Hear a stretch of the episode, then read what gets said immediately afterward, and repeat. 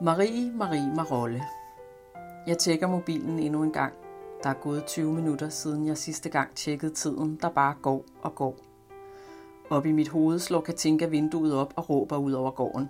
Jeg magter det ikke. Jeg orker det ikke. Jeg gider ikke. Hvorfor er det mig? Hvorfor er det hele tiden mig? Jeg lægger mobilen fremme og skider på det. Jeg bliver liggende på sofaen og lader YouTube køre med den ene ligegyldige video efter den anden. Det er som at drukne sig selv i æblegrød. Det er blødt og sødt og varmt at ligge her uden at tage stilling til verden udenfor. Her kan jeg ignorere alle de opgaver, som bare hober sig op og op på min indre to-do-liste. Jeg får ondt i maven, hvis jeg kommer til at tænke på det. Jeg får kvalme, og den sorte sky, der konstant svæver over mig, bliver mere og mere sort. Katinka råber igen op fra vinduet. Jeg magter det ikke! Jeg magter det heller ikke. Det. Hvad er det egentlig? Livet, måske? Jeg overgår i hvert fald ikke min tilværelse lige nu, og jeg vil hellere bare gemme mig her på sofaen og bedøve mig selv med videoer. Jeg kan ligge i timevis og kigge på, hvordan de andre lever deres liv. De renoverer deres huse og maler flotte billeder eller rejser rundt i verden og samler på store og fantastiske oplevelser. Yvonne smækker gadedøren op, så det runger i hele mit kranje.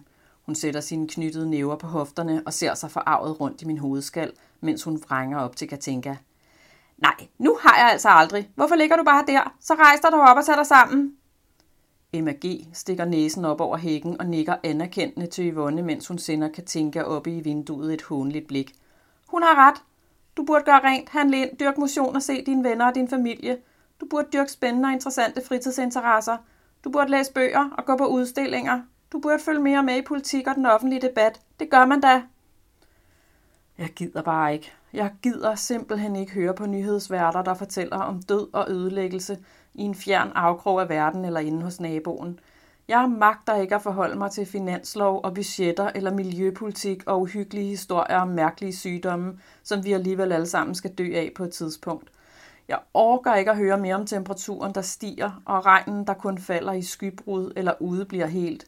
Jeg holder ikke ud at høre om flere topchefer, der græmser på deres ansatte, eller russiske soldater, der tramper rundt i andre menneskers dagligstuer. Jeg magter simpelthen ikke at forholde mig til denne her verden, som bare bliver mere og mere syg og grim og råden. Jeg bliver helt kold indeni, hvis jeg skal høre mere om børn og unge mennesker, der får stress og angst, så de holder op med at spise eller begynder at skære i sig selv. Så hold dog jeres kæft og lad mig være i fred. Fis ud af mit system, skriger Katinka og smækker vinduet i, så ruderne klirer, og jeg får hovedpine. Mobilen giver et højt pling fra sig og forstyrrer mig i min fedtede æblegrødstilstand. Jeg rækker per automatik ud efter den og tvangslæser beskeden, der er tækket ind. Det er min ældste og bedste barndomsveninde, der skriver til mig og spørger, om jeg giver kaffe. Igen. SMS'en får Katinka til at flå vinduet op endnu en gang og skrige ud over gården. Så lad mig dog være! Hvad fanden er det med folk? De skal altid have noget af mig. Hvorfor kan de ikke forstå, at jeg bare gerne vil være i fred?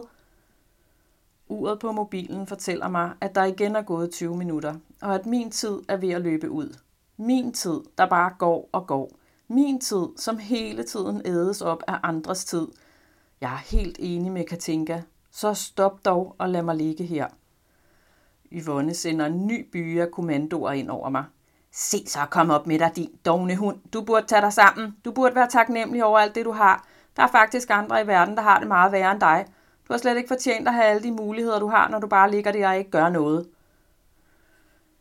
Jeg begynder at svede. Endnu en hedetur overtager min krop og min verden. Selv mine egne hormoner vil ikke lade mig være i fred. De er ligeglade med, at det er søndag, og det er alligevel alt for sent at få noget fornuftigt ud af weekenden, der bare er flået afsted. Naboen starter græslåmaskinen og bryder stillheden i min stue, så kaptajn Haddock vågner i mit hoved og rejser sig op på albuen. Hvad i hele hule helvede er det for en larm? Elendig landkrabbe, så hold dog op, din ulidelige klaptorsk. Svumpukkel, platfodet menneskefjenden. Jeg er helt enig. Hvorfor skal han slå græs lige nu, når jeg bare gerne vil være i fred? Ved han ikke, at min have er fuld af ukrudt, og at havelån hænger og trænger til, at jeg gør noget ved det? Ved han ikke, at nullermændene holder international kongres under alle mine møbler, og at skraldeposen for længst er flyttet over og sender en muggen lugt ud i huset, hver gang jeg åbner skabet under køkkenvasken? Hvorfor skal han minde mig om alt det lige nu, hvor jeg bare ligger her i min dybe tallerken og forsøger at drukne mig selv i æblegrød? Jeg sætter mig op. Mit hoved summer, og det flimrer for mine øjne. Jeg får øje på en død Marie-høne på sofabordet ved siden af min kaffekop. Hvordan er den havnet der? Hvor kom den fra, og hvor var den på vej hen? Nu ligger den bare der og er stendød. Jeg bliver ked af det og får lyst til at græde. Misse mimrer med øjnene og gemmer sig bag en magi, der har sluttet sig til Yvonne op i mit trætte hoved. Hun fumler med sit lomserklæde og piver, mens hun fremstammer. Nej, se nu der, lille mor. Tag dig nu sammen, din forlorne tæppehandler, runger kaptajn Haddock med en hånlig og vredladen stemme bagerst i min hjerne. Yvonne ruller bebrejdende med øjnene. Se så, kom i gang, din dogenkrop. Du kan altså ikke bare ligge der og trille tommelfinger, mens vi andre må knokle og slide for at holde skinnet på næsen. Ha! Du har det sgu som blommen i dag, din velfærdskleptoman. Du vil bare have og have. Hvad bidrager du overhovedet med selv, laske fede lommetyv? Ikke en skid. Du ligger bare der og brokker dig og bliver federe og federe og dummere og dummere. Skraldgriner kaptajnen og klasker sig på lårene. Tag dig nu sammen. Jamen så gør dog noget, skinger Yvonne helt oppe i diskanten. Jeg samler forsigtigt den døde Mariehøne op mellem to fingre. Jeg gør mig umage for ikke at mase den. Jeg åbner havedøren og kaster Mariehønen op i luften, i håb om, at den vil sprede vingerne og flyve op til vor herre og bede om godt vejr. Den falder til jorden og rammer fliserne med en lille tør lyd. Der er ikke mere liv i den, og kontakt med de højere magter er åbenbart ikke en mulighed i dag. Gider Gud overhovedet at tale med en, der er så doven og slatten som mig? Det tror jeg ikke. Det gider jeg ikke engang selv. Jeg må hellere tage mig sammen og prøve at bidrage bare lidt til denne her gyslige verden. Jeg kunne måske starte med at sætte kaffe over og svare på sms'en. Jeg gider ikke, men jeg gør det alligevel.